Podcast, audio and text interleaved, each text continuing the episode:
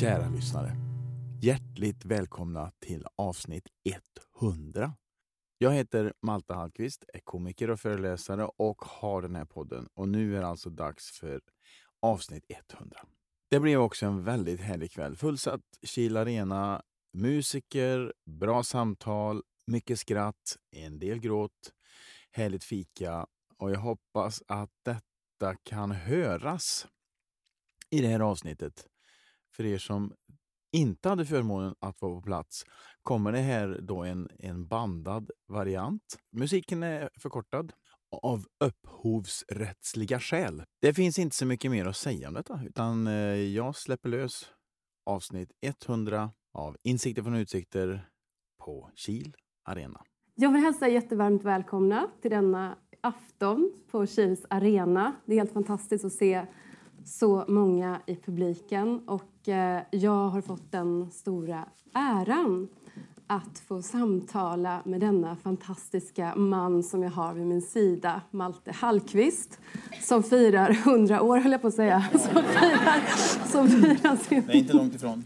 som firar sin hundrade, sitt hundrade avsnitt för den fina podden som han har drivit väldigt länge nu, som vi kommer att prata mer om alldeles strax. Men nu kör vi igång.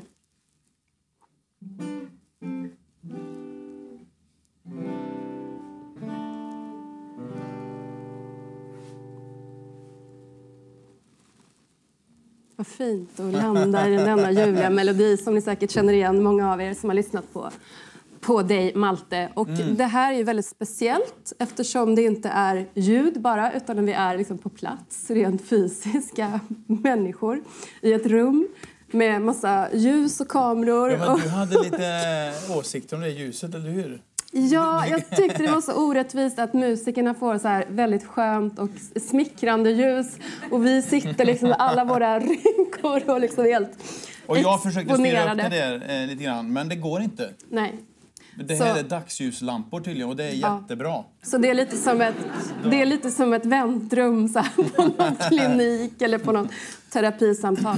Men jag tänkte att det också kan få vara lite eh, kanske genomgående tema för det här samtalet. Att vi ska också visa oss öppna och eh, sårbara och med alla våra brister och ja, men är alla ljus på något sätt. Eller hur Malte? Ja, ja, Ja. absolut. Ja. Yes. Men det här ska handla om dig. Ja, alltså det Ja. eh, ja. Och jag är inte helt bekväm med det. Nej, Eh, och, jag mm, vet. För jag brukar sitta där du sitter, så att säga. och eh, hela kvällen är jag också lite på eh, lösa... Ja, vi går på slak lina. Vi går på väldigt lösa boliner kan jag säga. För det här är... Vad är bolin? ja, vad är boliner egentligen? Ja, men vad är det? Är inte det såna här runda bollar som, man, som ligger i vattnet? Eller Ja. nej, det är och de är annat. lite lösa ikväll. De är lösa. Vi hoppar liksom på de här bolinerna. Ja, men, tänka- ja. men vi har ju, jag kan säga också att jag och Malte har, ehm, vi har känt varandra. Inte jätteväl, men vi har träffats. Ja, och du har varit Ehm, gäst i podden. Jag har varit gäst i din podd Mm. och eh, jag tänkte att samtal med Malte känns så... Ja, men det kändes självklart att tacka ja till det. För Har du sagt man- vad du heter?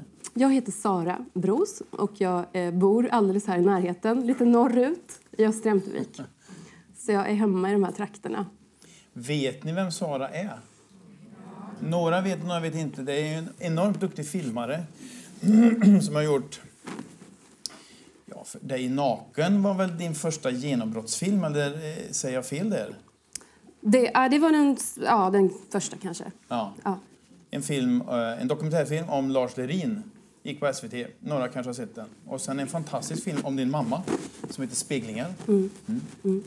Så vi bara sätter dig på kartan så inte du Ja. bara... Jag bor lite norrut i ett hus. Granne uppe från skogen. Så. ja, men precis. Men Malte, jag skulle verkligen vilja börja liksom, dyka ner lite grann i... Om vi börjar med någon slags eh, avstämning. Om du kan bara berätta lite var du befinner dig just nu i livet. Eh, ja, ska vi, eh, liksom nu, nu. Jag tänker nu, liksom, var, var är du någonstans i eh, rent... Ja, rent eh, nu, nu så är jag... Eh, jag, har, jag har återigen fått nöjet att vara med i en musikal. Mm. i Säffle. Vi spelar Så som i himlen och delar av gänget är här idag. De kan få en applåd tycker jag.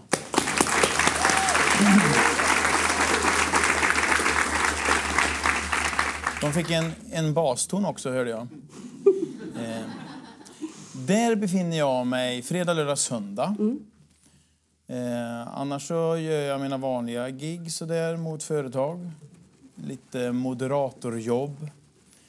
Eh, sitter och är nervös på fredagar för vår dotter Ida är ju med i Idolcirkusen. En applåd, Ja. precis. Den skickar vi, vi skickar den till Stockholm. Ja. Helt fantastiskt. Ja. Ehm. Det, ja, det är nog en ganska god beskrivning vart jag är nu. Jag och min fru Helena, som är här också någonstans, hon kan också få en applåd.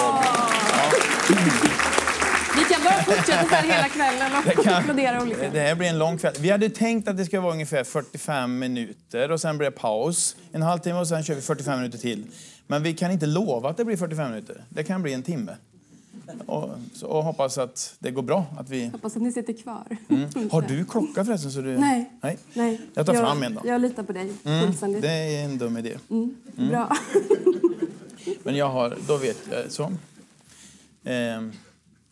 Ja, vart är du nu? Ja, men Malte, nu går du in på liksom... Okej, ja, jag ska det ska inte- bli lite nej. ett samtal, men, Ja. men du är verkligen, vi ska verkligen fokusera. Men jag kan bara säga kort att var jag är någonstans. Jag, jag är en ganska... Ehm, det här ska också vara ett samtal. Din podd har ju underrubriken ehm, en podd att må, må bra av. Mm. Att vi, att vi ska, vi ska liksom må lite bättre. Och, ehm, det är någonting som jag tänker mycket på i de här tiderna som är just nu. Alltså hur vi ska försöka må bra trots, trots liksom att det är mycket, som, mycket elände som rasar runt om i världen.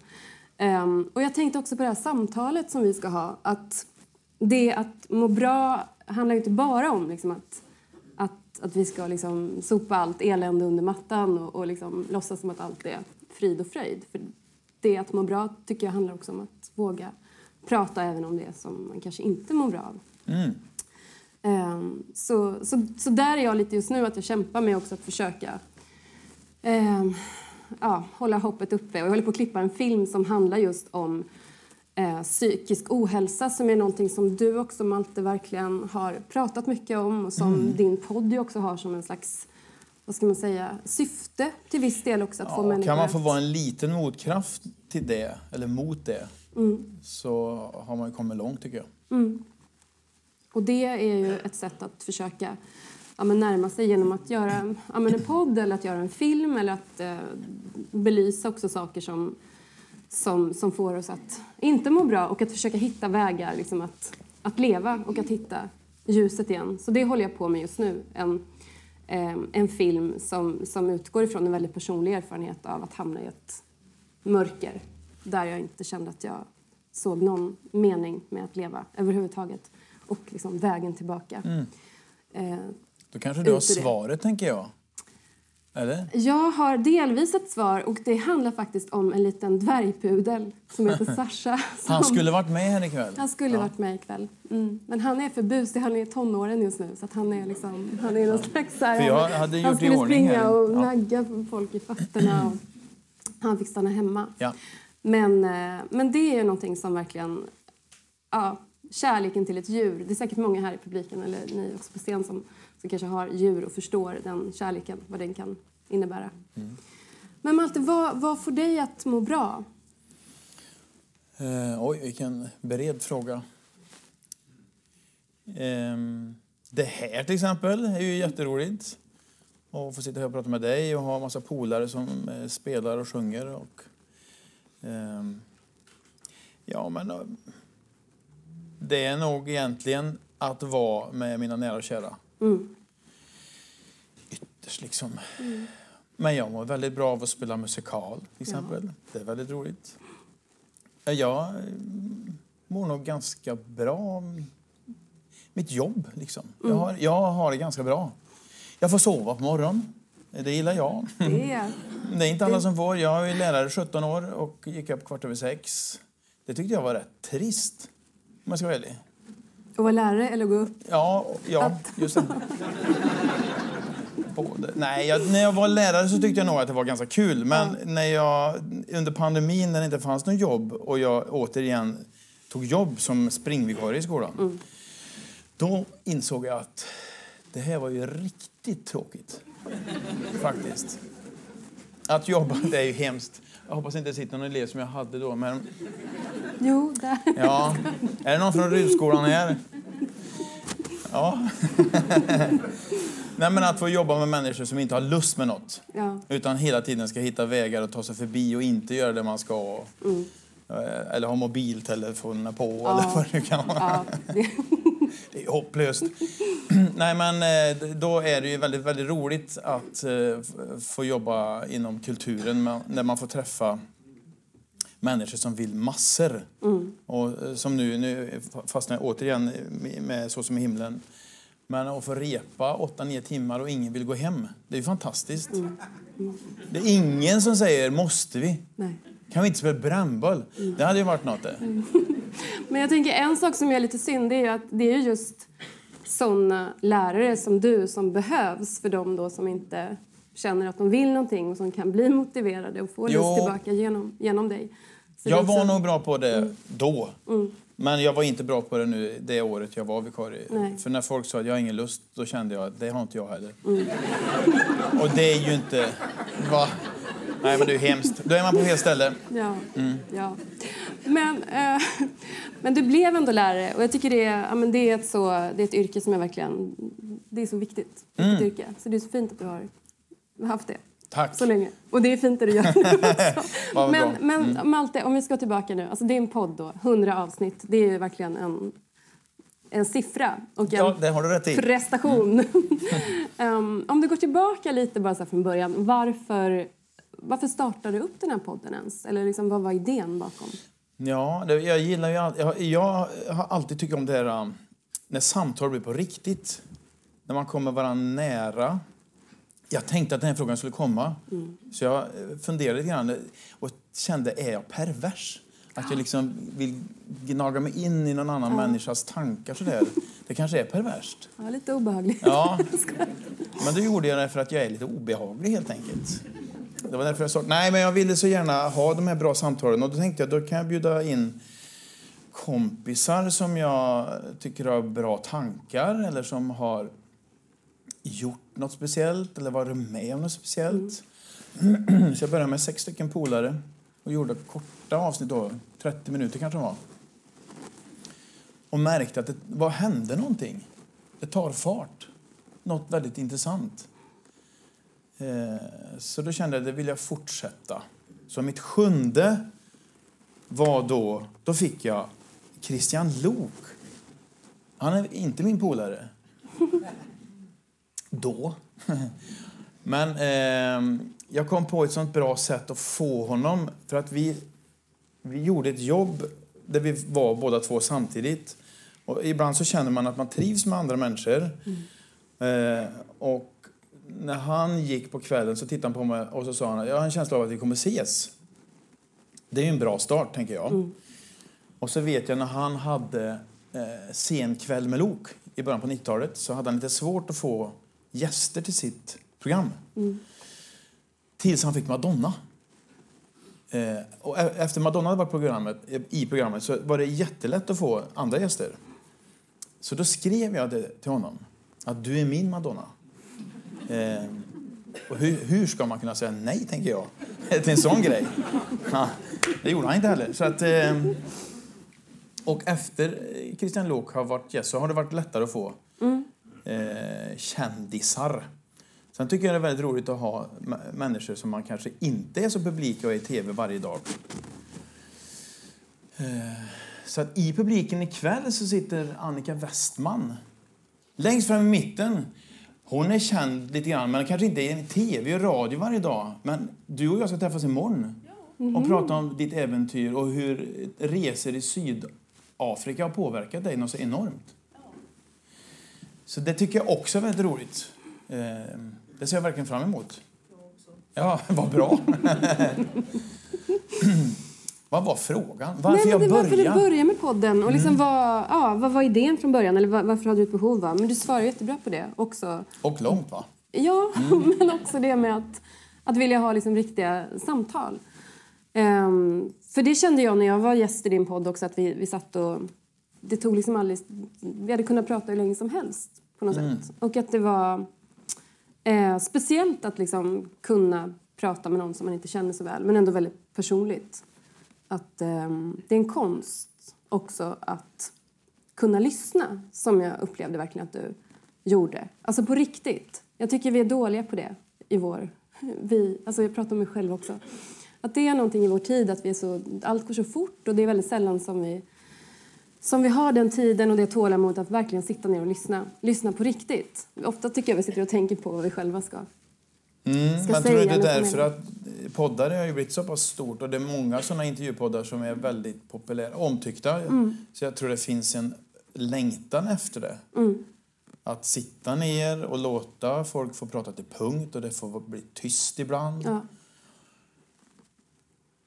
Där till exempel. ja, vi Det kanske är är något lite rädda. skönt i det. Ja, det är det. Mm. Kanske rädda för den tystnaden ibland. Jag brukar använda mig av tystnad för, just för att jag tror människor i allmänhet är lite rädda för tystnaden. Så är man tyst så, så brukar gästen börja prata för att fylla tystnaden. Och i det, när man ska fylla tystnad så kommer det massa intressanta grejer. Så jag upplevt ju mer jag kan hålla käft helt enkelt, desto bättre blir intervjuerna. Du, så imorgon då Annika, jag ska inte säga ett ljud. För- Förbered dig på det. Men Malte, okej tillbaka till podden lite mer sådär. Christian Luuk, okej han öppnade upp en massa eh, liksom för fler gäster som ville komma och sådär. Men vad har du, skulle kunna bjuda på, på något sådär guldkorn eller något som du minns som gjorde extra starkt intryck på dig eller ett möte? Carol- Caroline av Ugglas. Mm. Eh, det var som det kom in en virvelvind i höga stövlar och en enorm hatt eller mössa eller vad det var. Och bara prata om allt samtidigt. Eh, och jag hade förberett mig ganska väl men det var helt omöjligt. Det var som att hålla en vildhäst liksom, i schack. Och jag tyckte det var så roligt. De fick mig att skratta jättemycket. Och, och så inte, de satt så här hela tiden. Det låter jättejobbigt. Ja, man, man behöver inte ha så mycket frågor för de ställde dem själv, nästan. Så det tyckte jag var väldigt, väldigt roligt. Ja. Och att hon var så virrig. Eh, för vi gick tillsammans, vi var på Scalateatern i Stockholm och gjorde det där. Så hon och hennes man kom och gick med mig in dit vi skulle sitta. Och sen när hon- vi skulle ut så sa du hittar väl ut? Inte en chans, sa hon. För det finns inte. Hon berättade när hon, när hon gick hem från skolan när hon var ung så, så kunde det ta flera timmar och läxor kom aldrig med och de hittade henne liksom hängandes knäveck i någon gran. Och, så, bra drag och, och det är så skönt, för det kan ju gå illa för sådana människor också men hon har ju hittat någon kanal med sin konst och sin musik. Och, Eh, så att, eh, ja det, det var häftigt. Men det jag tänker på med henne också är att det känns som att hon, hon har liksom kvar barnet i sig. Alltså viss- vissa människor har kontakt med, med sitt inre barn på något sätt. Alltså det här fria, lekfulla som vi lätt um, ja, men slipar bort liksom när vi blir äldre. Vi tappar den där ursprungliga, spontana. Vi blir så väl... Vi Varför gör vi det för? väl, Vet du liksom. har du någon förklaring? Nej, men jag läste forskning på det också med liksom barn, alltså när man mäter kreativitet och liksom, ehm, de hade testat så med hur många olika, ehm, om man har en sak, så här, hur många olika sätt kan man använda den här saken på? När, när barn liksom kom, kom, kom upp med liksom flera hundra olika förslag medan de vuxna hade alltså väldigt sådär tråkigt och, och inrutat och inte alls lika. Men vad Men det beror på? ja, precis. Ja, ehm, ja vad, det kan jag inte svara på riktigt. Nej, nej. Men jag, jag trodde tror du vi- hade ett svar. Nej, jag har inget Nej. svar, men jag, jag försöker liksom att hålla fast själv vid. Att prova och vända och vrida. Men Att det, jag tror också alla som är kreativa eh, tränar sig i det.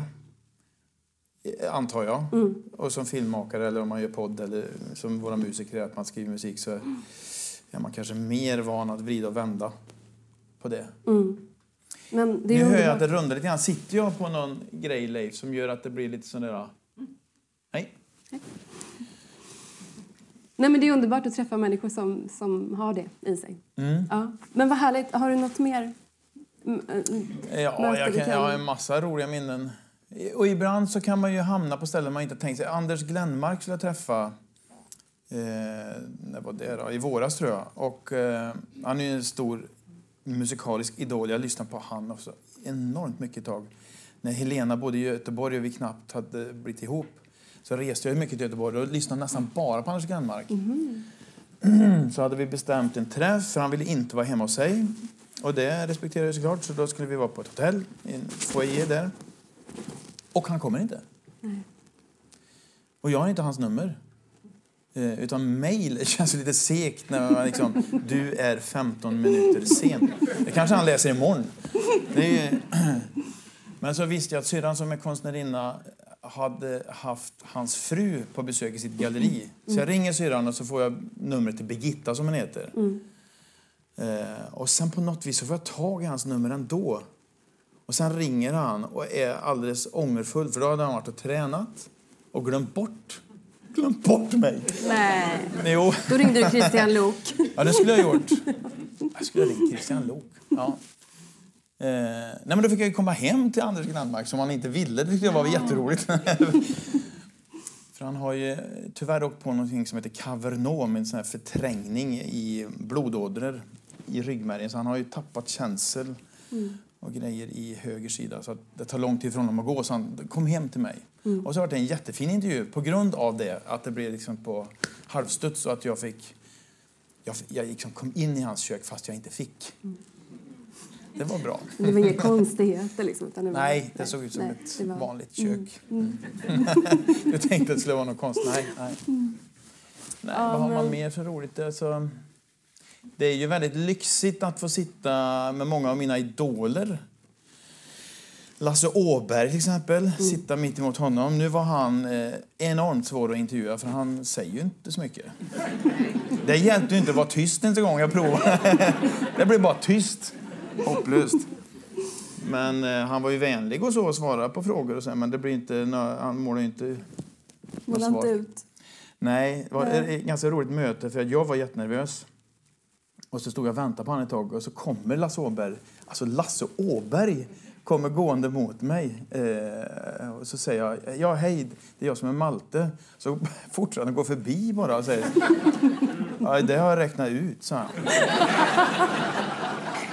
Gör man så?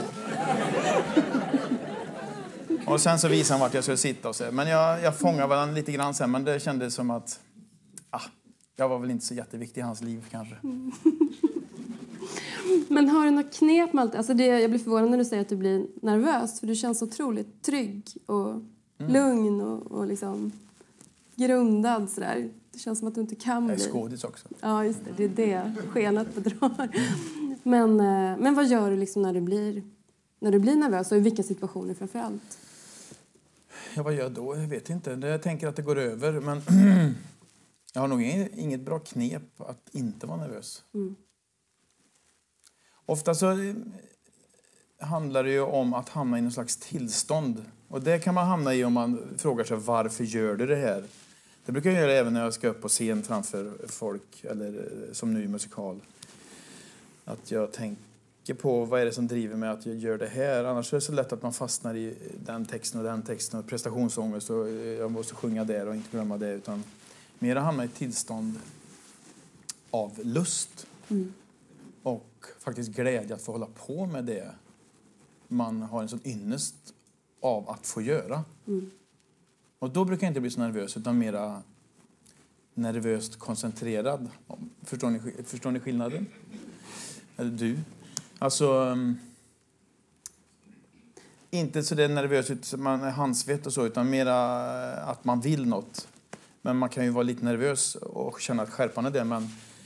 ehm, har jag svarat på frågan? Jag känner att jag Nej, men målar det är en skön känsla också. Nej, men jag tycker också det är någonting fint i det. Att du liksom känner dig osäker ibland eller blir nervös. Mm. Eller, det är så lätt att bara tro att någon är sådär självklar i alla sammanhang och liksom har någon slags Men det får naturligt gärna, gärna fortsätta att tro. förtroende. Men jag har en, en vän som är skådespelare. Hon sa att när hon, när hon eh, får scenskräck, när hon står på scen, då föreställer hon sig sin egen skräck som en svart punkt på golvet. Tänker hon, där är min skräck och rädsla. Och så går hon och ställer sig rakt på den punkten. Och då är det som att hon liksom Ja, ta makten trampar, över tar det. makten över den. Och det, det funkar verkligen. Så det, är, det är ett tips om man liksom känner sig osäker. Eller... Jag tänkte, vi har ju musiker här också. Ja. Ska jag presentera dem? För jag tänkte vi Ja. ska snart släppa in dem. För det här är ett gäng som ringde mig när jag kom på att jag skulle göra det här vi gör nu. Det är väldigt roligt. Jag är väldigt harklig. Det är så dumt. Alltså, ja. Eh, Och jag är alltid det. Men när jag gör mina poddar så klipper jag ju bort det. Det här kan jag inte... Ni får Du sitter i skarpt ljus så vi kan liksom inte... Det är svårt att klippa bort. Men jag kommer ju göra en klippt version som jag lägger upp sen. Då kommer varenda harkling bak. borta. Det här gänget ringde mig eh, och sa Hej, vi är ett gäng glada musikanter. Det här är mina kompisar sedan länge kan jag säga. Men då erbjöd de sig. Vill du ha ett band på ditt 100-årsjubileum? Vi kommer. Är inte det väldigt, väldigt fint Ja, gjort? Fantastiskt.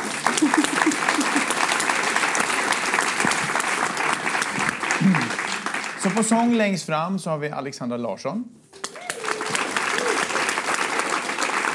Piano Christian Haag. Bas Stefan Lenberg. Trummor Martin Sävström. Och på gitarr och sång Petter Justus. Mm.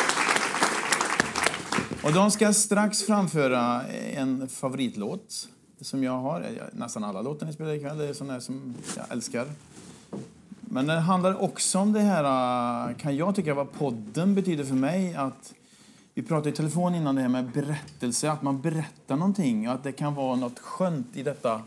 I en värld som ständigt är förändring, att det finns berättelser att hålla sig ibland. Det kan vara en podd, det kan vara en film, det kan vara ett musikstycke.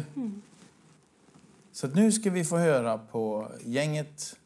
Ni har ju inget namn så ni får heta gänget, märkte jag. Eh, och låten Everything Must Change.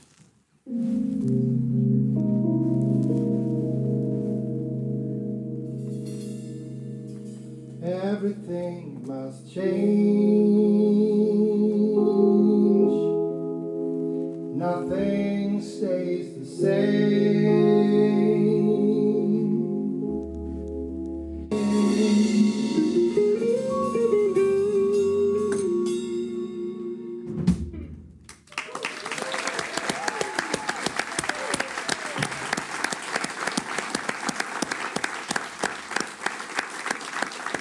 Så, så fint. Helt enormt. Vilken lyx. Ja, verkligen. Eh, Jag tänkte på musikerna. Jag hade tyckt det var ganska skönt när det blev en bläckare som kunde pusta ut, men de är fortfarande i det sköna ljuset där du vill Ja, vara. jag eller? vill vara med er. Jag vill, det är som en sån nattklubb. Som Nej, ja, där. fantastiskt. Men helt underbart. Och så fin text också. Eh, med tanke på det här med, som du nämnde innan Malte, med berättelser och vårt behov av berättelser och liksom allting som är i konstant förändring och det som liksom inte vet någonting om. Det är så extremt Det- tydligt nu, tycker jag. Mm. Allt det. Miljön och krig och... Varför liksom behöver vi berättelser, tycker du? Ja, men jag fick den förklarelsen, förklaringen. Eh. Vad sa jag? För, det var ganska bra ord. På dina egna ord. Ja, förklarelsen. Förklarelsen. Det kan man väl säga. Ja, absolut. Jag fick den förklarelsen. Eh, i en, Uppenbarelsen. ja, na, det kanske det var. Men eh, vi, jag är med i en bokklubb och där pratade vi just om... Eller vi hade fått någon uppgift att skriva typ en predikan. Eh, den, hade den behövde inte ha något med Gud att göra. Men jag vet inte om predikan måste ha det. Nej. Nej, nej. Då skiter vi i det. Det är bara ut och predika. Ja, men då är vi, vi är en fem, sex stycken eh, gubbar verkligen. Och då var det en som hade det i sin predikan. Just berättelsens betydelse. Nu kan jag inte återge det. Han sitter med i publiken här, men det skulle kännas så dumt om han fick mygga på sig och berätta vad han egentligen sa. men just berättelsen, vikten av att eh, ha en berättelse. Och vi har alltid berättat för varann. Innan det fanns skrift så gjorde man ju det, det var ju extremt mycket berättartradition och berättelser gick från generation till generation och sen så kom ju tryckkonsten och då kunde man spara. Eh, och att vi har ett sånt behov av det på, just på grund av kaos och saker som hela tiden förändras så eh, behöver vi eh, berättelser och jag påstår också goda samtal. Som en tröst eller någonting att hålla sig i. Jag tror jag sa ledstång innan. va? Eh, Det är en bra liknelse. Att någonting att hålla sig i när det är liksom svårt att veta vilken riktning man ska gå i. Så kan man hitta det i böcker eller poddar, filmer. Och att, precis att enas kring. Jag tänkte också på det nu när det. Alltså det finns någon sån teori också om att när det är väldigt mycket hemskt som sker runt omkring så har vi ett ännu större behov av positiva berättelser, eller så här, ljusa historier. Och när tiderna är goda, det är då vi vill ha liksom, dystopier och så här, undergångsfilmer eh, filmer och sådär och titta på det. Men att det också finns en...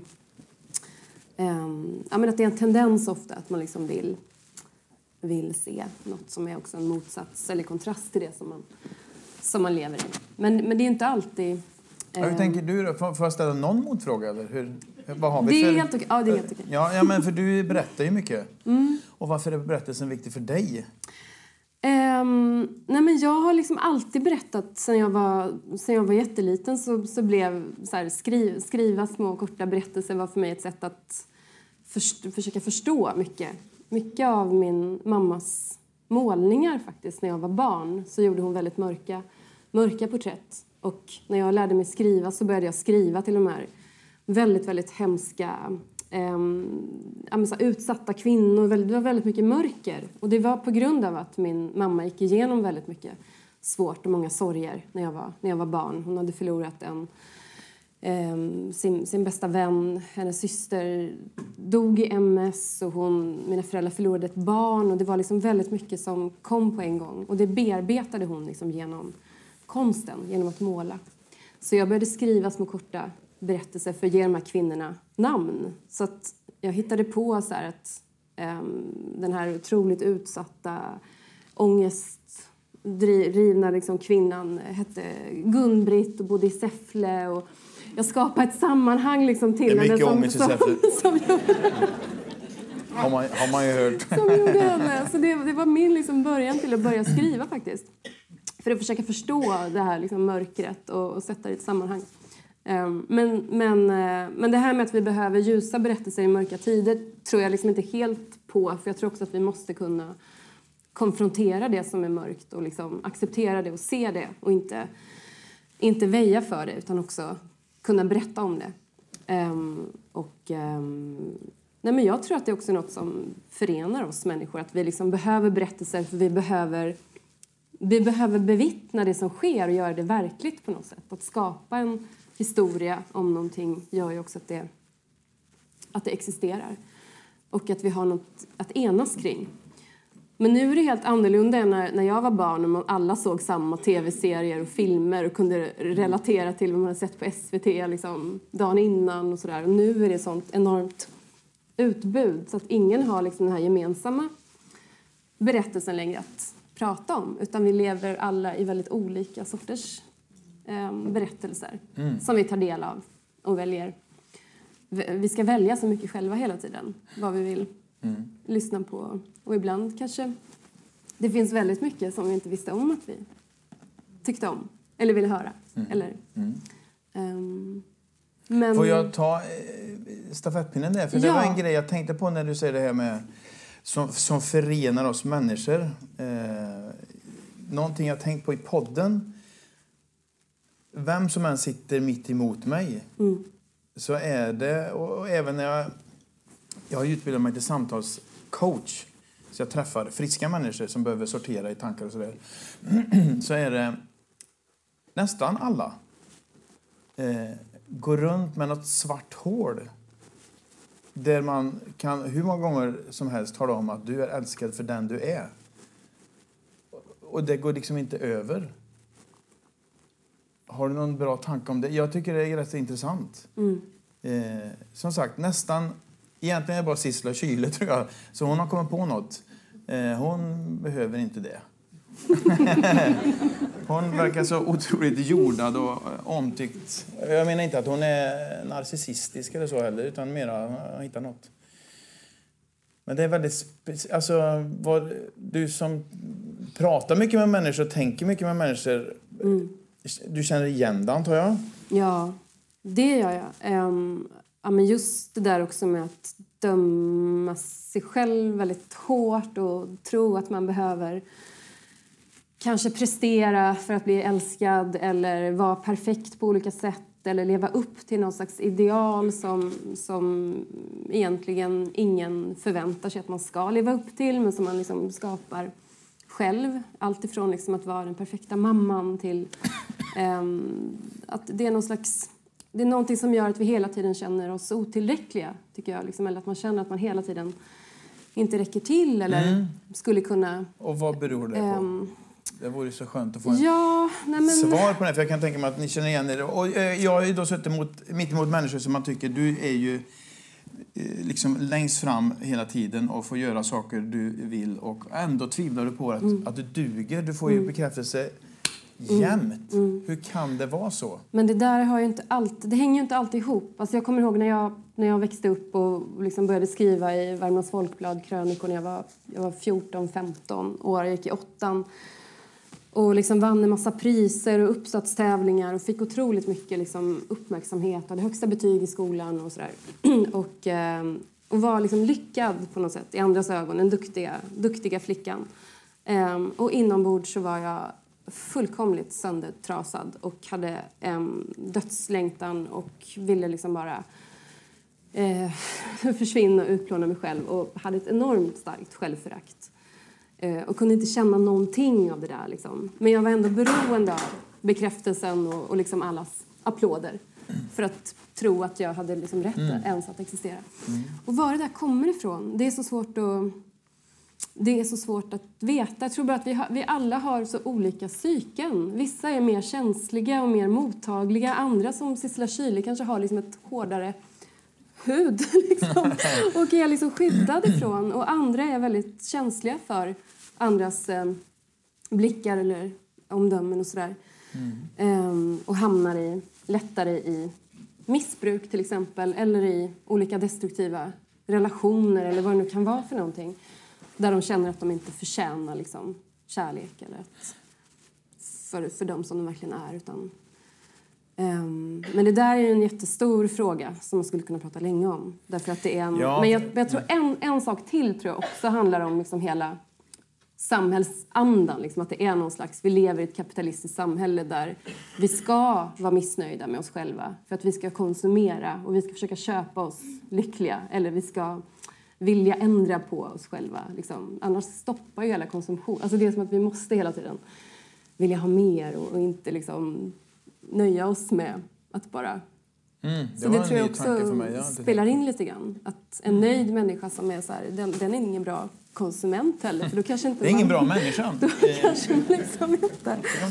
Ehm, men det är så fruktansvärt sorgligt. Och det är också så många, många unga som mår väldigt, väldigt dåligt. Alltså som, som lider av psykisk ohälsa. Om man ska gå in på något mer liksom allvarligt ämne så är det ju verkligen... Men innan vi har knäckt den nöten så kan man ju Mm. ändå berätta för varandra att man tycker om varandra. För det tror jag kan vara ett motgift. Ja, Eh, Och det vill jag bara säga Malte, att du är en sån person tycker jag som, som får en liksom, när man möter dig så, så tycker man liksom om sig själv lite mer. Det är ju det bästa betyget man kan få. Nej men det menar jag verkligen, därför att jag tror att vi, vi uppstår hela tiden, vi blir till liksom i varandras blick. Alltså om, om du ser någonting i någon eller om du är intresserad av någon, liksom, då, då, då lever ju den människan och känner sig sedd och älskad eller uppskattad. Så att det är ju hela tiden, vi, har ju ett, vi kan ju förändra så mycket genom väldigt, väldigt små, små medel egentligen. Alltså bara häromdagen så blev jag så otroligt glad bara över någon, någon, någon kvinna i kassan som, alltså det var bara någon sån just vid det tillfället så behövde jag bara liksom höra någonting positivt eller få någon, liksom, ett leende eller någon. Så att vi, vi, vi kan... Vi, vi bidrar hela tiden liksom till att förändra verkligheten. Om vi bara tittar upp från våra mobiltelefoner lite, lite oftare. Liksom. Ehm, Men då kanske vi ska bjuda på det. Vi ska snart ta eh, paus. Mm. Då kan vi bjuda på en sån medicin? I musikalisk medicin, tänkte jag. ska jag röra till? Nej, men jag tänkte om, om vi nu har ett behov av att höra att vi är älskade för Ja. dem vi är. Det finns ju vissa låtar. Jag tänker på Lisa Nilssons eh, Säg det igen. Vet ni vilken det är? Ja, det kan man höra tusen gånger och man bara gråter sönder. Eh, Josefin Nilsson heter hon väl? Älskar mig för den jag är. Gabriellas sång. Eh, och därför känns det så lyxigt idag att vi har Gabriella här. Från...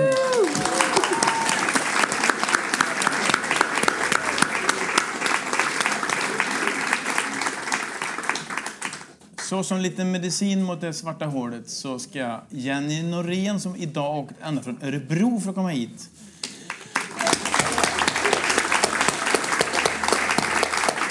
Hon spelar alltså Gabriella i Så som i himlen i Säffle. Eh, och nu får ni s- lite smak av musikal i eh, konsertform. Så kan man säga. Efter den här låten så kommer ni inte kunna andas utan då går vi ut och fikar helt enkelt.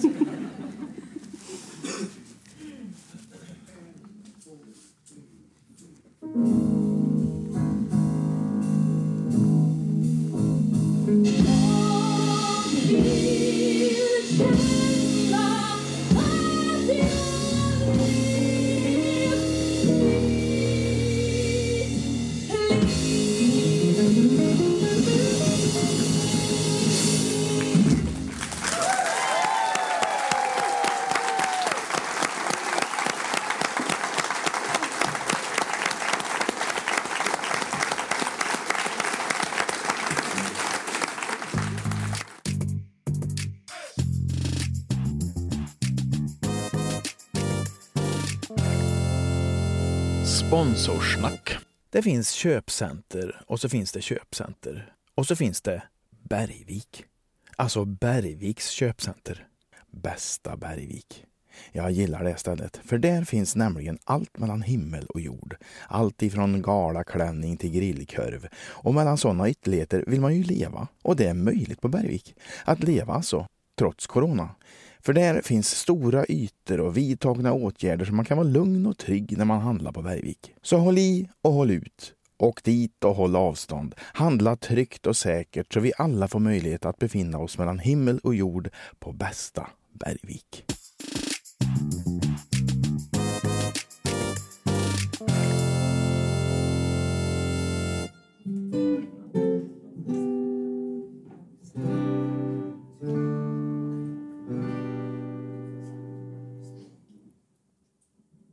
En väldigt fin signatur.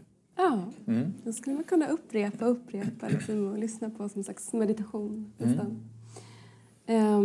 Ja, men, Välkomna tillbaks får vi säga. Det känns lite grann som att ni får vara med om en tv-inspelning här så att ingen säger något utan det blir tyst bara och sen så drar det igång. Men vi är väldigt glada att ni är här. ja, det är verkligen roligt att ha. Nej, men liksom att, att ha. Nej, men också, jag tänker på det efter pandemin och sådär, att det känns så lyxigt att, att, att vara nära människor igen. Att det, ofta när man saknar någonting så blir man påmind igen om hur roligt det är faktiskt att få uppleva saker live. Musik och liksom allting. Vi levde ju så länge i en, en otroligt märklig tillvaro. Men jag tänkte på, innan pausen så fick vi lyssna på en sån otroligt stark berörande låt om att leva sitt liv fullt ut och verkligen ta tillvara på tiden. Och, um, och jag tänkte, eller vi tänkte att vi skulle fortsätta liksom också gå in lite på det här med ja, men livet och döden och ljuset och mörkret som väldigt ofta går sida vid sida. Um, vi alla har ju upplevt sorger liksom, och, och mörker av olika, av olika slag. Och ehm, jag tänker på dig Malte som liksom har en sån, du är en sån positiv och öppen människa liksom, och du ehm, har så nära till skratt och liksom humorn är din verkligen någonting som man förknippar med dig. Att du, är sån, du är rolig på riktigt liksom. alltså, Det är ju ett men- jättefint betyg. betyg. Tack. Jag ja, rörd. Men, Tack. men jag tänker också på, du har ju också gått igenom väldigt många svåra, fruktansvärda händelser liksom, under, under en period i ditt liv. Som, Mm. som vi ändå sku, skulle behöva prata om, tycker jag. Mm. I ett sånt här tillfälle. Låt oss. Ja, året 2021.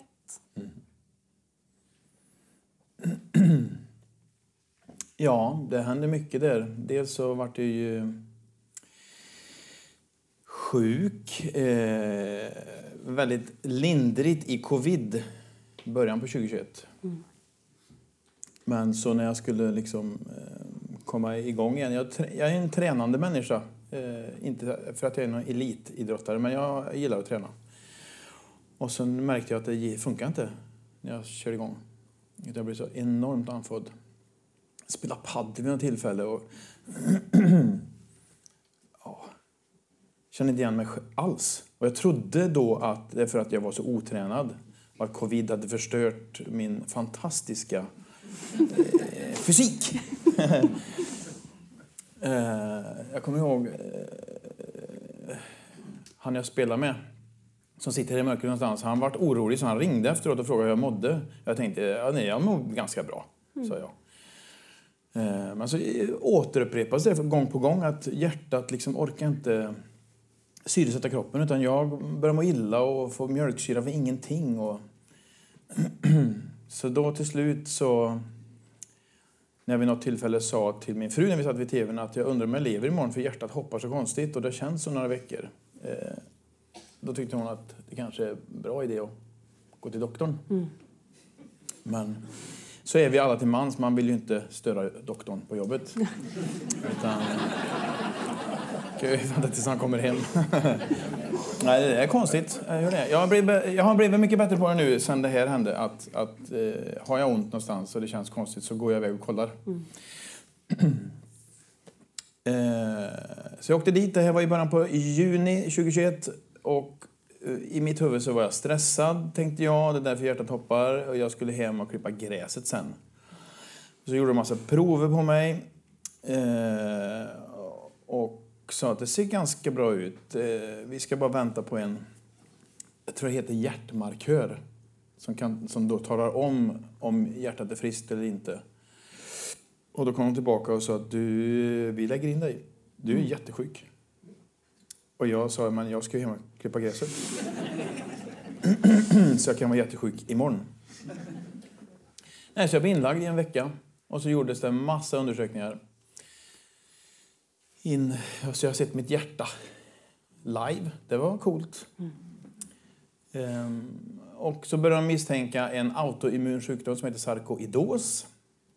Så de skickade mig till Göteborg. Ehm, och det gjordes också mycket undersökningar. Massa konstiga och rätt så otäcka grejer. och eh, där trodde jag också att jag skulle dö faktiskt. Jag, för det var en oerhört kunnig eh, doktor. Eh, på, kunnig om hjärtan, men inte så kunnig om människor. Så hon kom till mig och stod väldigt nära att förklara hur mitt hjärta kan stoppa när som helst. Med signaler och klaffar och hon höll på hur länge som helst. Så då fick jag kalla dit eh, överläkaren och sa att ni behöver prata med den här tjejen. För att eh, hon går runt och skrämmer upp varenda en av oss och säger att vi ska dö när som helst. Kan jag dö när som helst? Nej, sa han, det kan du inte. Då, då tänkte jag, då lyssnar jag på han. Men det var några otäcka kvällar där. Och sen eh, så fick jag då medicin och det blev konstaterat sarkoidos. Och då checkar, får man checka ganska mycket kortison och massa andra mediciner. Och så var jag och körde bil här i Karlstad vid något tillfälle. Och det här var jag typ i oktober. Och känner att jag mår inte bra. Liksom. Det känns jättekonstigt. Och helt plötsligt så känner jag att nu, tapp, nu tappar jag det. Så jag hinner svänga av vägen och precis när jag tror att det ska bli svart så kvicknar till igen. Och så hände det en gång till inne i stan när jag stod i ett trapphus. Eh, så då ringde jag hjärtmottagningen och sa att nu har det här hänt. Och då sa de att då kommer du in omedelbums. Och så opererade de in en eh, pacemaker som jag har här och en hjärtstartare. Så nu, eh, nu ni. Nu ska det mycket till, faktiskt. Eh, hjärtat går fortfarande lite konstigt när jag jobbar hårt och anstränger mig. Så att den här musikalen i Säffle har varit precis på gränsen. Jag gick upp på heltid precis innan vi startade. jag varit ju sjukskriven typ från det jag lades in då i juni 2021 till augusti 2022 så gick jag från halvtidssjukskriven till helt frisk. Och ehm, ja, det har varit några kvällar när jag har sett mig i bilen och åker hem och det har dansats mycket och vi har sjungit och skrikit och haft jätte, jätte, jätteroligt. Eh, Men då kan jag känna att det hoppar och studsar. Då. Det är otroligt obehagligt men läkarna säger att det är mm, inga elakartade hjärtrubbningar jag har. Så att jag ska inte vara rädd men det blir jag. Eh, Men skulle det stoppa så har jag ju en raketmotor här. Så att, eh, ofta så är jag inte rädd. Men det är så underbart tycker jag att även mitt i allt det här liksom, otroliga allvaret och som verkligen är... Ja, men, så, så kan du ändå... Du kan skratta, du kan skämta och, Ja, liksom, och ha ja. det som... Jag tänker också att så mycket också handlar om... Om den inställning som du har till livet, eller den positiva inställning som ju säkert också verkligen hjälper dig väldigt mycket att, att må bättre. Mm, eller kropp och själ som, eller psyket som, som hänger ihop så väl. Att man inte tillåter sig liksom att bara gå under och, och bli helt Nej, men det är klart det finns perioder där jag är, går under och då finns min fru och min familj där och plockar upp mig. Jag, jag, jag skojar inte jämt. Nej, det Nej. förstår jag. Mm. Men sen det här hände, det är också något med hjärtat som, hjärtat är ju så centralt. Alltså det är så symboliskt också på så många sätt. Mm. Ehm, hur, hur har liksom ditt liv förändrats efter det här hände? Kan du se någon skillnad i liksom hur du förhåller dig till saker eller? Ja, nu är det ju ehm, ganska självsanerande vad jag kan göra och inte kan. Alltså, eh, jobba heltid och spela musikal och göra lite såna här grejer som jag gör nu. Det går ju. Men eh, jag har inte varit ute och sprungit än och så. Jag försöker undvika stress jättemycket. För det mår jag riktigt pissigt av. Så ut i god tid, planerar. Eh, sen är jag inte världsbäst på det. Jag, jag kan komma på en idé. Typ, jag ska ha live eh, när det är 100 avsnitt. Jag tycker det är en otroligt bra idé. Och sen så blir det, ja, men då får man göra det och sen så blir det det och så blir det det och så pratar jag ihop med Gustav. Som vi inte har sett än. Vi har ju gett många människor applåder. Gustav, eh, man brukar prata om navet eller spindeln i nätet. Eller, vi har verkligen en kille som, som styr allt. Och han får inte ens vara med. Han har vi stängt in bakom en plåtdörr. Ja. Så vi ger en applåd för han hör oss i hörlurarna.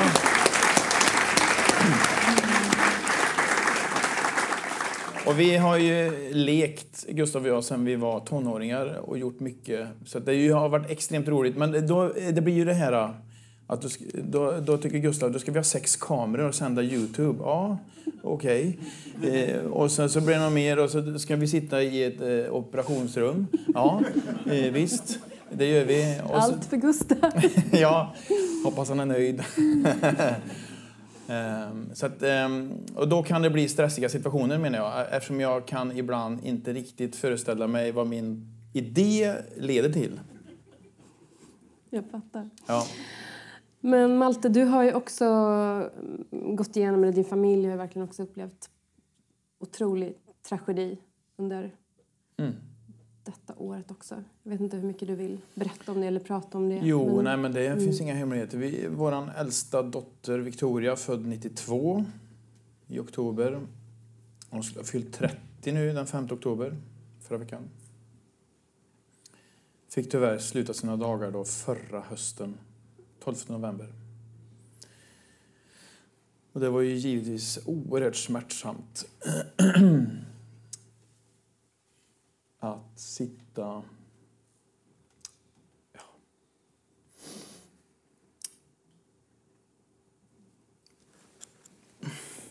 Jag vet inte hur mycket jag kan prata om det. Nej. Nej.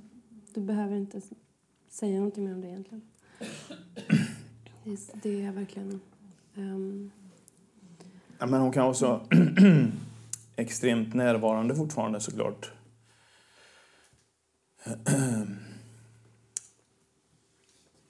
Det är det som är så svårt, tänker jag också, med, med, med sorg eller saknad efter någon. Liksom att det, det är lätt att säga att det, att det går över. Eller så, men jag tänker mig att det också går i, går i vågor. Att man i perioder kanske känner liksom att allting ja, men det känns ganska okej och sådär. Och sen är det något som utlöser någonting som... Att det liksom aldrig riktigt kan Nej. gå över helt såklart. Därför att... Men samtidigt med, med Victoria så har det där funnits med oss sedan hon föddes då eftersom hon var född multihandikappad och med extremt stora utmaningar i sin kropp. Och 2011 så eh, höll hon på att gå ifrån oss då också med sina lungor för de var väldigt små och stela och muskulaturen runt omkring.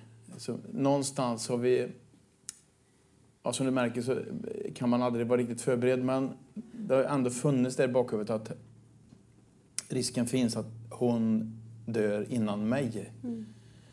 Ehm, och när hon väl dog så var det också en lättnad för att sista halvåret så mådde hon jätte, jättedåligt. För hon kunde inte syresätta sig fullt ut utan vi fattade inte riktigt vad det var för hon åkte in och ut liksom på sjukhus och de sa att det var lunginflammation och sen helt plötsligt så var det inte det. För det tog mig sån här CRP som det heter om man har en infektion i kroppen. Och det, hon var ju jätte, jättesjuk men hade ingen infektion i kroppen. Och då misstänkte man ett tag att det var hennes allergitabletter som gjorde att hon blev så sömnig och trött. Och... Men till slut så var det ju en assistent som för det som händer när man inte syresätter sig ordentligt är att man inte kan vädra ut sin koldioxid. och då blir man till slut medvetslös. Så att hon liksom somnade kan man säga. Men vid något tillfälle där eh, i september 2021 då, så eh, somnar hon i bilen eller blir medvetslös och, och eh, assistenten får ingen ordning. Får inte, går inte att väcka henne. Så då åkte hon in till sjukhus direkt och intuberad och respirator. Då. Upp till Torsby en stund och sen hem till Karlstad. Eh, och i detta, och det, det kan jag fundera på fortfarande, vad det var som gjorde att jag gjorde det. Då sa de den 10 oktober att nu måste vi ta tub, den här intuberingen för att hon blir bara sämre nu. Och risken att hon ska klara att andas med sina dåliga lungor är ganska liten. Men det kan gå. Och eh, jag och Helena sitter på sjukhuset där. Eh, och vi tar bort tuben, den här intuberingen, och allt går bra. Eh, och jag ska egentligen då den elfte dagen efter stå på Scalateatern i, i Stockholm och köra min relationsteori. Så jag frågade Helena, vad, vad gör jag? Ska jag ställa in eller ska jag åka? Eller? Och den föreställningen hade då blivit flyttad jättemånga gånger på grund av pandemin. Så jag kände, jag orkar inte, orkar inte flytta på den för det är mycket, det är marknadsföring och folk och hit och dit och det, ja. Så Helena sa, orkar du? Och då sa jag, det gör jag, för då, då kan jag gå in i det i några timmar. Och så gör jag det bara. Så då gjorde jag det. Och jag har funderat efteråt om det var bra eller dåligt. Det finns kanske inget svar på det. Men jag var där och gjorde min föreställning och åkte hem den 12 på morgonen ihop med Ida. och så sitter vi den 12 på kvällen och ska se på Karl-Bertil Jonssons julafton eftersom Gustav och Alexandra Simon spelade eh, Karl-Bertil. Och då fick vi då ett samtal att ni får komma in. Och så dog hon då på kvällen. Ja, det är så svårt att föreställa sig hur... Jag tänker det är så lätt ibland att säga att man, man förstår hur det känns och sådär. Men det är ju omöjligt egentligen att, att veta det. För alla har också sin egen upplevelse av någonting. Och... Men ehm, det känns som att du verkligen har en sån fin familj. Alltså det måste verkligen vara så avgörande att ha den kärleken och närheten liksom till. Du de- ställde en fråga förut vart man hittar sin styrka, eller vad var det Mm. fråga? Ja. ja, men det är ju där. Sen så, som i alla familjer, vi bråkar och har åsikter om varandra och hit och dit. Och, men nej, det är ju en enorm styrka att ha en familj som kan bära det här ihop. Mm. Och att ta hand om sin familj och de man har nära. Liksom. Värdesätta dem. Men Malte, ska vi... Vi kanske ska Jag släppa på lite musik, för ibland så kan det vara skönt att få vila både själ och tanke en stund. ja, det kan vara lätt ibland att prata sönder saker också. Så man liksom försöker... Eller hade du någon följdfråga? som Nej, jag- jag nej, pajar jag tänkte, nej, jag tänkte faktiskt bara säga att vi kanske bara ska gå in i något så här... ehm, ett lugn nu. Och det vore jättefint med lite musik. Mm. Det är ju en ganska passande låt ändå. Det handlar om hjärta, eller hur? Explain it to my heart.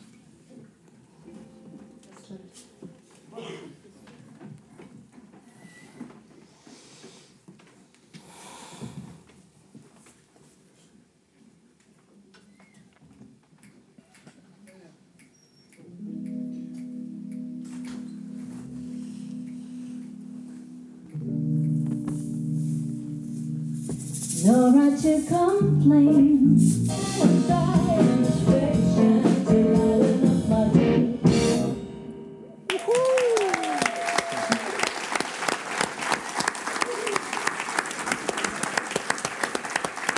Tack så jättemycket. Det känns verkligen lyxigt. Det blir lite så här Letterman-stämning, så amerikanska prat. Shower med har så här husband och man... um, är det väldigt speciellt den här kvällen? Man kan liksom inte definiera riktigt vad det är för någonting. Det är, Jag är Letterman i Kil. ja, Eh, precis. Det är inte dåligt. Precis. Det får du, var du som är Letterman i så fall. Ehm, vi har ju faktiskt något som har kommit in här. Mm, Något grönt. just det. Ja, Det här är ju... vad tror du om den? Ska det börja bli dags? Ja, den här Jag har jag använt både i föreställningar och i podden. Mm. Eh, Senaste föreställningen var ju relationsteorin. Då var det sju bra tips för ett bättre liv. Ja. Idag har jag pumpat in 18 helt nya frågor. Mm. Eh, är det, du menar att det är dags för den nu? Jag fick en känsla bara att det kunde... Vad, vad tror, tycker ni? Eller ska vi vänta lite? Eller vill ni? Ska vi inte köra? Mina damer och herrar, nu är det äntligen dags för inte bara mitt och Maltes favoritinslag i den här podden, utan allas. Det har nämligen blivit dags för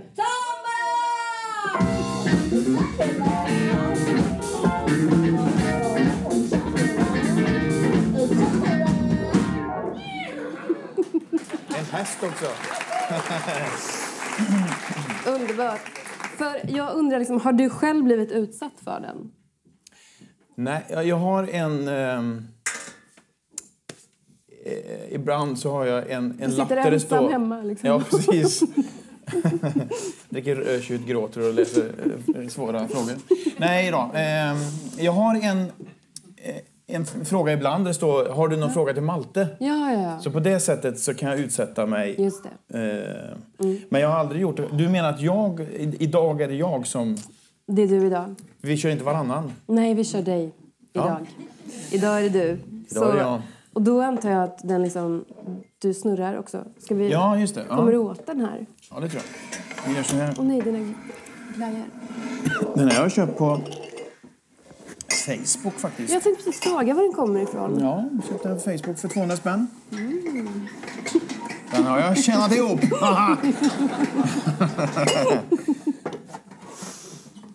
Okej, nu fastnar den. Det känns som att det var nog meningen. Ja. Men jag ska läsa, va? Eller? Ja, okej. Ja. Bra, för jag Ja. tog av mig glasögonen för att jag får inte ha dem för Gustav. Ja, Gustav säger att det blänker så dumt. Så jag får vara... Okej, är du redo? Ja. Vad är... får du inte ha, så du ser ingenting nu. Jag ser, jag ser suddigt. Nej, jag ser ganska bra. Okej, Malte. Vad är framgång för dig? Du har inte övat in de här svaren nu. Just den har jag faktiskt den läst. Jag. jag tänkte jättemycket på den, just, men de andra har jag inte läst. Det var ju fränt att det var den som Ja, hängde där. Okej. Mm. Nej, men jag tänkte på det då, att får jag den här frågan, vad svarar jag då? Eh, för mig, och då kom jag på att det här är en bra sägning som är sann. Eh, eh, och jag tror faktiskt det var egentligen Claes Hallberg som inspirerade mig till den tanken eh, när han var med i min podd. Eh, just få vakna på morgonen och känna att yes, en dag till. Vad gött. Då är man framgångsrik. Vaknar man och tycker att det är trögt då, då, är, då är det något man får ändra på. Jätte... Ja, men fint. Kort. Bra svar. Förberett. Så enkelt var det. Okej, vi kör. Ja, ska, jag, jag ska, du ska veva, jag ska veva varje gång. Jag hör... Brukar, Nej, det nej, du, du stängde. Nej, alltså, men det gud, brukar vara fler. ihåg. Du tänkte jag får bara en. Ja, ja, ja. Nej, det får Okej, vara. du behöver inte veva mer. Ja, du får läsa igen här, för jag ser ju inget. Okej, inne lite här på... Vad behöv, lite som vi har varit inne på i och för sig innan. Vad behöver du för att må bra? Ja, men den kanske vi har svarat på. Ja, men då får du hitta på något nytt. Jaha. Ehm, jag behöver vakna och känna yes. Jag tyckte det var så bra svar. Kan man köra repris? Nej, och vad behöver man? Det är så mycket... eh, Just nu, nu har jag pratat jättemycket om Så som i himlen i Säffle, men det gör jag så gärna för det är... Ja, vi har ju... Halva gänget är ju här. Eh, ju. Jätteroligt att ni är här, verkligen. Ehm, jag är ju ute mycket, väldigt, mycket själv. På företagsgig och mm, reser långt och har eh, föreläsningar och jag trivs ganska bra med mig själv. Ehm, oftast. Men att få vara med i en ensemble sådär och den ensemble som är just nu i Säffle är ju sån ynnest. Få åka till massa goa människor både fredag, lördag, söndag och leka ihop med dem. Och kanske var det det jag behövde för att må bra just nu. Eh, Det där kanske är något yttre sådär. Inre, då behöver jag komma hem på kvällarna och träffa min fru. Oftast. Nu har vi sprungit om varandra och så enormt, det är knappt vi har setts. En applåd till Maltes fru Helene. Men det är en sån vila att komma hem till Helena och göra ingenting helst. Äta en smörgås och se på Gåsmamman, eller vad det nu kan vara. Det, är, det behöver jag v- verkligen. Det var ett jättefint svar tycker jag. Ehm, vi kör väl på ett par till. Eller? Sure, Jag ska läsa. Du. det. Har vi något vatten här? Ja, men det här är liksom liknande allting, Jaha, nej, Vad är det för vi- frågor du? Nej, ta en ny. Det- Vad är du tacksam över? Nej, men den Ja. skippar vi, för den har vi också varit Ja, inne det på. är precis. Ja, Ja. Nej. Ehm, du har skrivit väldigt snälla frågor till dig själv. Mm. Jag vet. Vad är den största frågan du brottas med just nu? Åh, Den hade du inte förberett. nej. Nej. Och det första impulsen, då blev jag väldigt svart ju. Det är om vi människor ska fixa det här. Den tycker jag är kan vara påtaglig ibland och är hemskt jobbig att umgås med. För det ser inte bra ut. Jag läste någonting som handlar om liksom att det största hotet är att vi är så... Vi tror att allting löser sig. Att vi, liksom, vi är så positivt inställda. Vi tänker bara men det ordnar sig på något sätt. Och att det är det som är liksom, vår värsta fiende på något sätt. Att vi har den inställningen. Därför Ja, och att det, att det finns i oss. Vi sitter liksom i en båt som håller på och sjunker och alla har fest. Ja, det kanske är ett bra sätt att drunkna. Eller ja, vad heter det? Jag vet inte. Men jag, jag, jag, jag tror du är inne på något, att man förstår inte riktigt. Om man, om man lyssnar bara på, om vi tar miljön, om man lyssnar bara på forskning så är, då, då, ska vi, då är det bara tvärstopp. Åk inte en meter med bil till, flyg inte. Eh, spar på all energi du kan. Men så är vi fast i något. Och så åker man på en resa ändå. Jag säger inte att jag är varken bättre eller sämre än någon annan. Men som män, om vi bara tittar på oss människor. Man, säger, man, åker, man flyger ju iväg någonstans och säger ja, egentligen borde jag inte flyga. Men ja, vi har inte varit utomlands på... Och så, och, ja. Men jag tror också det är mycket det att om, om det är så att någon skulle säga om du inte gör det här nu eller ändrar på det här nu så kommer ditt hus brinna upp imorgon eller så här, det här katastrofen kommer inträffa eller om två timmar. Då är man beredd att, att handla och agera. Men om det är så här kanske eventuellt om 15 år eller om 30 år eller om det blir väldigt abstrakt och väldigt svårt att Jag hade ju en framtidsforskare, eller vad heter det, antropolog i min podd.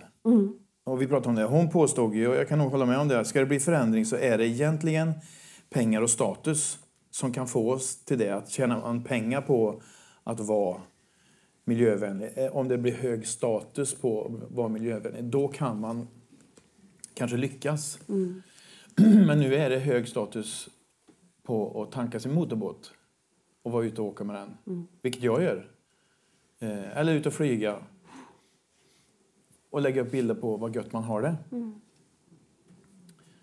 Och det vet jag inte. Ja, det är, ja, ja, den är, Den är svart och jobbig. Och här kan jag inte ens säga något roligt skämt känner jag.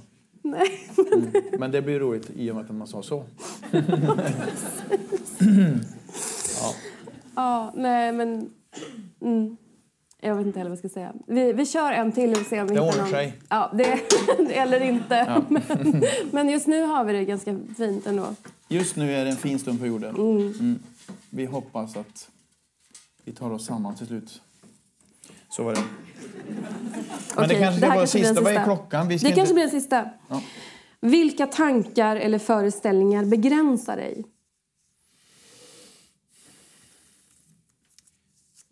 Ja du, den är ju intressant. Mm. Jag har precis eh, inte sett färdigt eftersom det inte är klart än, men den här eh, Över Atlanten. Ser ni den? Nej, sa någon med lite värdering. Aldrig i Ja, livet. det är som skit, ser du. Ser, ser inte jag i alla fall. Det ska du ha klart för dig. Men det gör jag. Eh, och där var det, det är ju Ann Wil- Wilson som sitter med i juryn i Let's Dance som har fått eh, små lappar av sin syrra att läsa när det är tungt. Så hon har en lapp för varje dag. Och då stod det just det där, jag såg det här om dagen att eh, den största begränsningen människan har är, är människans egna tankar. Att det är där vi sätter stopp för oss. Så vad är det då för mina tankar som begränsar mig? För det var det som var frågan va? Din egen fråga alltså. Ja. ja, just det. Ja, min egen fråga.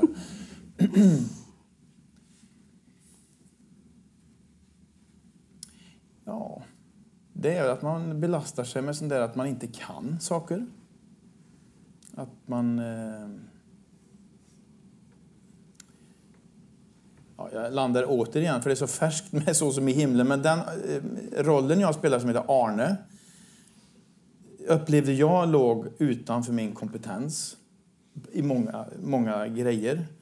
Och de andra är utbildade, många av dem är utbildade på Balettakademin. Och, vad har jag gjort? Jag sprang och snubblade i skogen liksom. Men bara, då kände jag, jag kan, jag kan inte det här.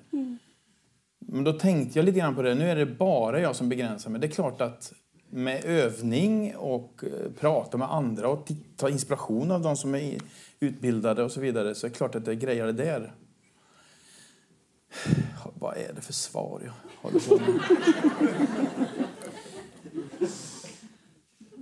Nej, men det är väl också kanske det att känna då att man inte måste vara perfekt för att det ska vara intressant också det man gör. Att det finns något, alltså det finns något vackert bara i att försöka. Ja, ja, men lite så. Det kanske var det jag skulle ha sagt. Nej, men att det är, Det är liksom, bättre du svarar på den här Det är frågan. perfekt. Så, så kan vi ringa in det här tror jag. Att det är perfekta ofta liksom är ganska ointressant. Om man tänker att det begränsar, att man känner att man måste vara bäst på någonting. Mm. Att det, är- ja, men det är att försöka som är det viktiga. låter, ibland så så, låter saker så klyschigt när man, när man säger dem. Det blir liksom... Ja, Ja, men då, Men- då, men- alltså, men- då kan jag svara så här på den frågan. Det är nog precis det som, är, det som begränsar mig. Det är Mm. mina tankar. Och så kan det vara väldigt olika. Men att man själv talar om för sig själv att man inte kan. Det är det dummaste man gör. Eh, För ska man förflytta sig själv någonstans så ska man ju utanför sin comfort zone och Mm. det där som man eh, påstår sig att man inte kan. Nej, men det jag tänkte på var där också liksom det som är det viktigaste. Liksom. Man, kan, man kan ju behärska ett instrument liksom, till fulländning. Men man kanske inte har känslan. Och man Nu kanske... pratar hon till dig Peter.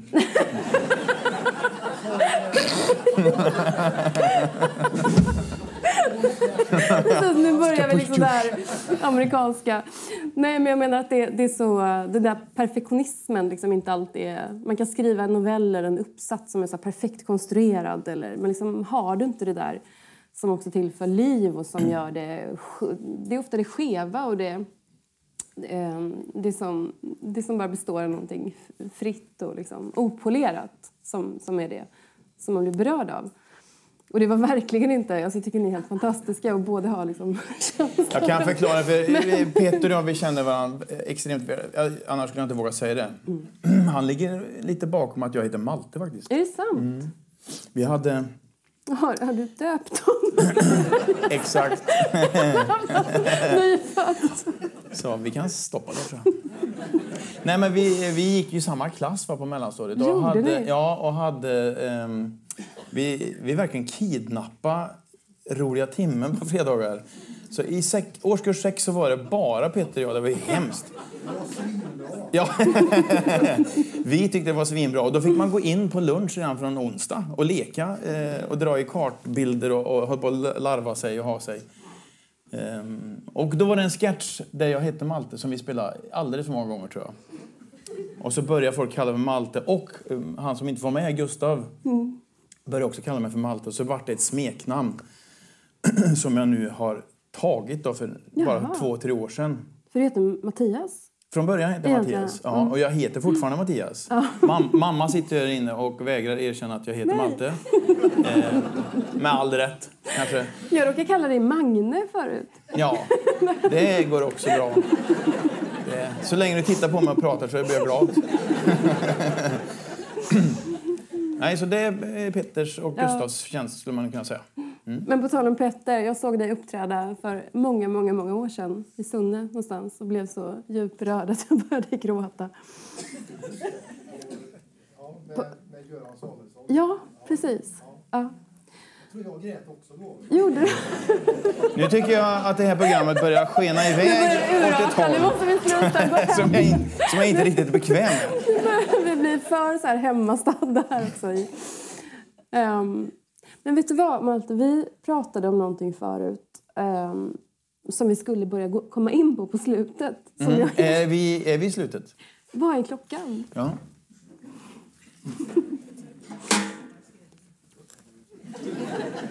Ja, men eh, det, det skulle kunna vara... Vi har ju pratat om människans slut. Och det- Har vi gått igenom nu undergången och Ja. kärleken? Och vi har kastat oss mellan olika. Nej, men det betyder inte att vi måste sluta, men vi skulle börja liksom närma oss ja, men det är väl en, en en, fråga. bra... Mm. Som... En annan sak, bara innan vi kommer in på det, är Så som i himlen som du spelar i. Liksom, vi Har jag nämnt den ikväll? Så, annars Ska vi jag... applådera? Nej, jag skojar. Men, eh, för vi pratade lite om berättelse förut. Och det, det finns ju någonting med den berättelsen också som är väldigt Mm. fascinerande. Kan, om du kan berätta lite om hur Ja. den berör dig. Lite kort. Ja. På 45 minuter ungefär. Nej, men, eh, många av er har säkert sett filmen. Det handlar ju om en, en eh, världsberömd dirigent som heter Daniel Dareus. Som åker världen runt och eh, leder väldigt fina eh, symfoniorkestrar, är det väl? Eller om det är körer? Nej, men det är väl ni som är med. Hjälp mig här. Det är väl symf- eh, Ja, tack. Det var Meta, hon som eh, kan saker i, vår, eh, i vårt sällskap. Och så blir han hjärtsjuk. Det är ju också en parallell till mig där som jag har tänkt på flera gånger. Och i det så beslutar han sig för att åka hem till sin hembygd, Ljusåker, någonstans i Norrland. Och blir väl lite övertalad av min rollfigur Arne att han ska ta över kören. Och sen händer en massa saker i kören. Eh, massa mänskliga tillkortakommanden som kanske har gått i stå av tystnadskultur, av bara att tiden har gått sin gång. Så att det finns en handikappad kille som heter Tore som aldrig fått vara med i kören. Helt plötsligt får han vara med i kören.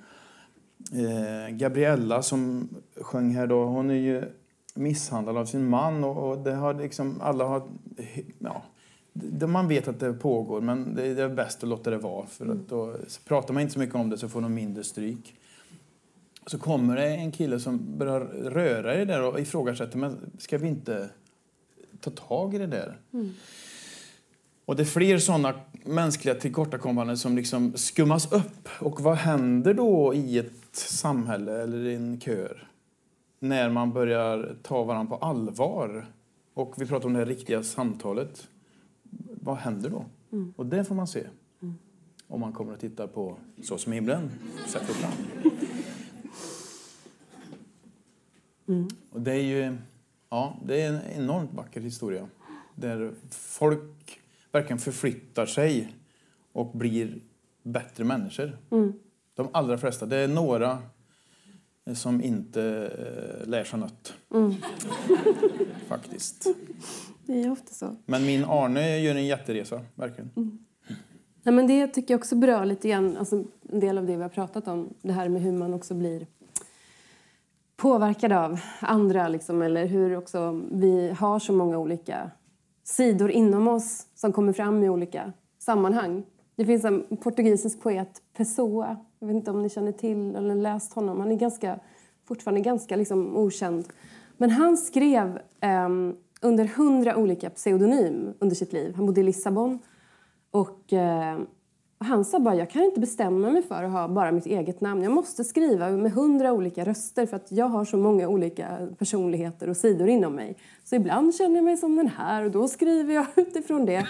Och sen så publicerade han aldrig någonting för att han ville liksom inte bli känd. Han ville inte bli framgångsrik. Han ville inte bli definierad. Han ville vara fri och bara kunna, kunna vara liksom vem, ja, vem som helst sätt. Ehm, och det där tycker jag är spännande. Hur, ehm, ja, men hur man känner sig olika med olika människor också. Hur vissa sidor som man belyser hos någon eller ser hos någon liksom också får, får liv och, och näring och växer. Och är det andra sidor som aldrig blir sedda så, så dör ju de sakta. Har du gett ut någonting i- under pseudonym? Nej, det har jag inte gjort. Nej. Vilken lång fördröjning det var där på Ja. svaret. Ställer han verkligen den frågan? Idiot!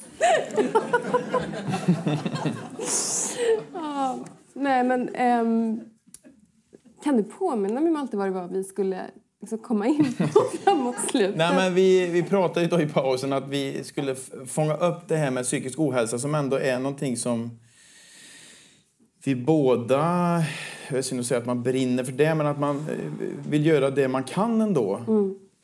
Eh, om det så är en väldigt vacker film om ett människoöde eller om det är en podd eller en bok eller ett musikstycke så så vill man ju ändå... Och jag fick det där tipset, för jag träffar ju människor ibland som är i kris. Eh, och fick ett väldigt bra tips, det där vad säger man till en människa när det är total panik? Och då säger man att så som du känner nu kommer du inte känna för evigt. Det kommer gå över. Och det är ganska skönt att, att höra det eh, när man är liksom på spetsen och, och knappt kan andas och tror att det här är ett kroniskt tillstånd. Det var det vi skulle komma till. Det var det vi skulle komma till. Precis. Mm. Det, är, det är helt sant. Som du säger. Jag vet inte vad jag ska svara på det. Inte jag heller. Jag Men, kände eh, att jag kom till någon slags... Åh, tack för Som en idag. slut. Som en slutsats. Nej, men det är... Ja. Och så mycket som, som jag också tänker på som handlar om att vi... ehm, att man inte definierar sig själv då som bara den personen som är liksom i det här mörka utan att man vet att det också kommer, det kommer komma... Alltså andra sidor av en själv kommer också att komma fram i ljuset. Ehm, men, men överhuvudtaget så känner jag lite att för att återkoppla till det du frågade, jag börjar med det här med var befinner jag mig just nu. Jag tänker väldigt mycket på hur något som jag pratar mycket med mina studenter om, jag undervisar, eller jag driver en, en utbildning inom manus för film och tv-serier. Och vi pratar också väldigt mycket om det här med liksom att, inte, att inte döma, att inte värdera. Att vi har så lätt ibland för att tänka liksom, ja men här har vi en ond karaktär och det här är den goda. Och att um, det är så mycket som inte, det är så mycket mer intressant att skildra en människa liksom i någon slags komplexitet och um, det är så lite vi, vi, vi vet om varandra egentligen. Det finns så otroligt mycket att upptäcka om man också lyssnar. Om man ska återkomma till det vi pratade om i början med det här med att göra en podd eller att liksom verkligen lyssna och ta in en annan människa. Att man, man upptäcker ofta väldigt mycket ehm, efter ett tag om man verkligen liksom ger tid. Jag fick det till mig också just det där med lyssna. Att vi har ju faktiskt fått två öron och en mun. Det är en liten fingervisning om att man borde lyssna dubbelt så mycket som man pratar. Den är ganska bra. Exakt. För lite grann, vi, var- vi- men det har vi pratat om. Ja. Just det där, ju mer man lyssnar desto mer pratar den andra. Det ligger någonting i det. Det börjar bli dags att avrunda, känner jag. Nej, men ibland så ska man inte... Ibland kan man ju prata för mycket också. Vi får inte trötta ut den här otroligt fina publiken som jag också tycker att vi borde ge en ni sitter applåd. kvar än. Ni- det är bra. Ni, ni, ni utstrålar så otroligt mycket. Jag ser inte alla så tydligt, men ni utstrålar verkligen så mycket eh, värme. Och det är fint att se. Jag tycker en applåd till er för att ni har kommit hit. Vi borde liksom ge varandra lite mer kärlek, som vi också började med i början. Give the world some love. Och tänka på det varje dag. Hur mycket liksom, kärlek har man gett? Att man inte alltid heller måste få tillbaka. Utan man kan ge också. Ja, det kan man också faktiskt. Eller hur? Det, vi kanske ska släppa in musikerna. Ska vi säga så? Ja, vi ska säga så. Vi kanske skulle bara avrunda kort, kort, kort, kort efter. Men... Eh, Vi kan försöka. Vi kan göra ett försök. Men vi... Varsågoda. Kör. thank you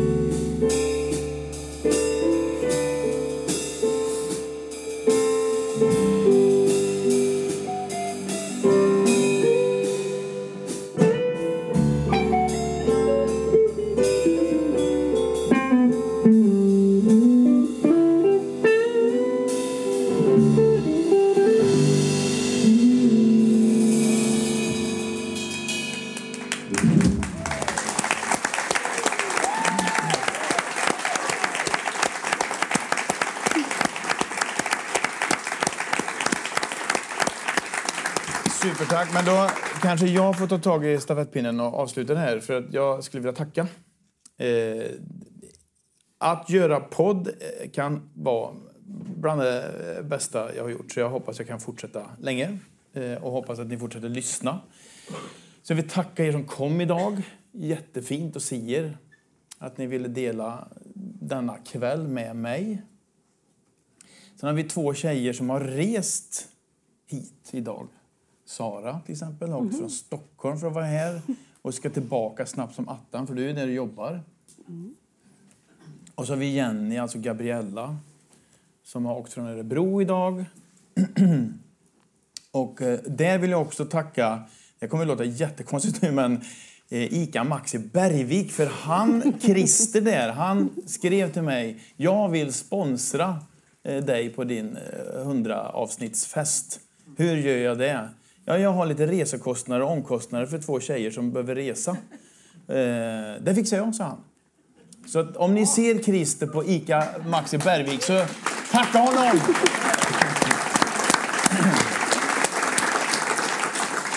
Det var ju tur att jag inte glömde det, för då hade jag inte fått någon spons.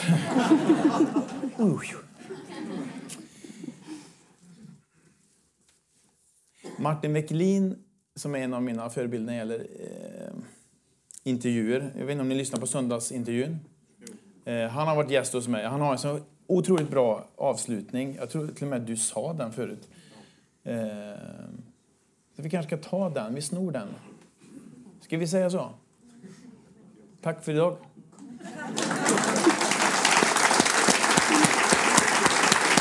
Tack till er.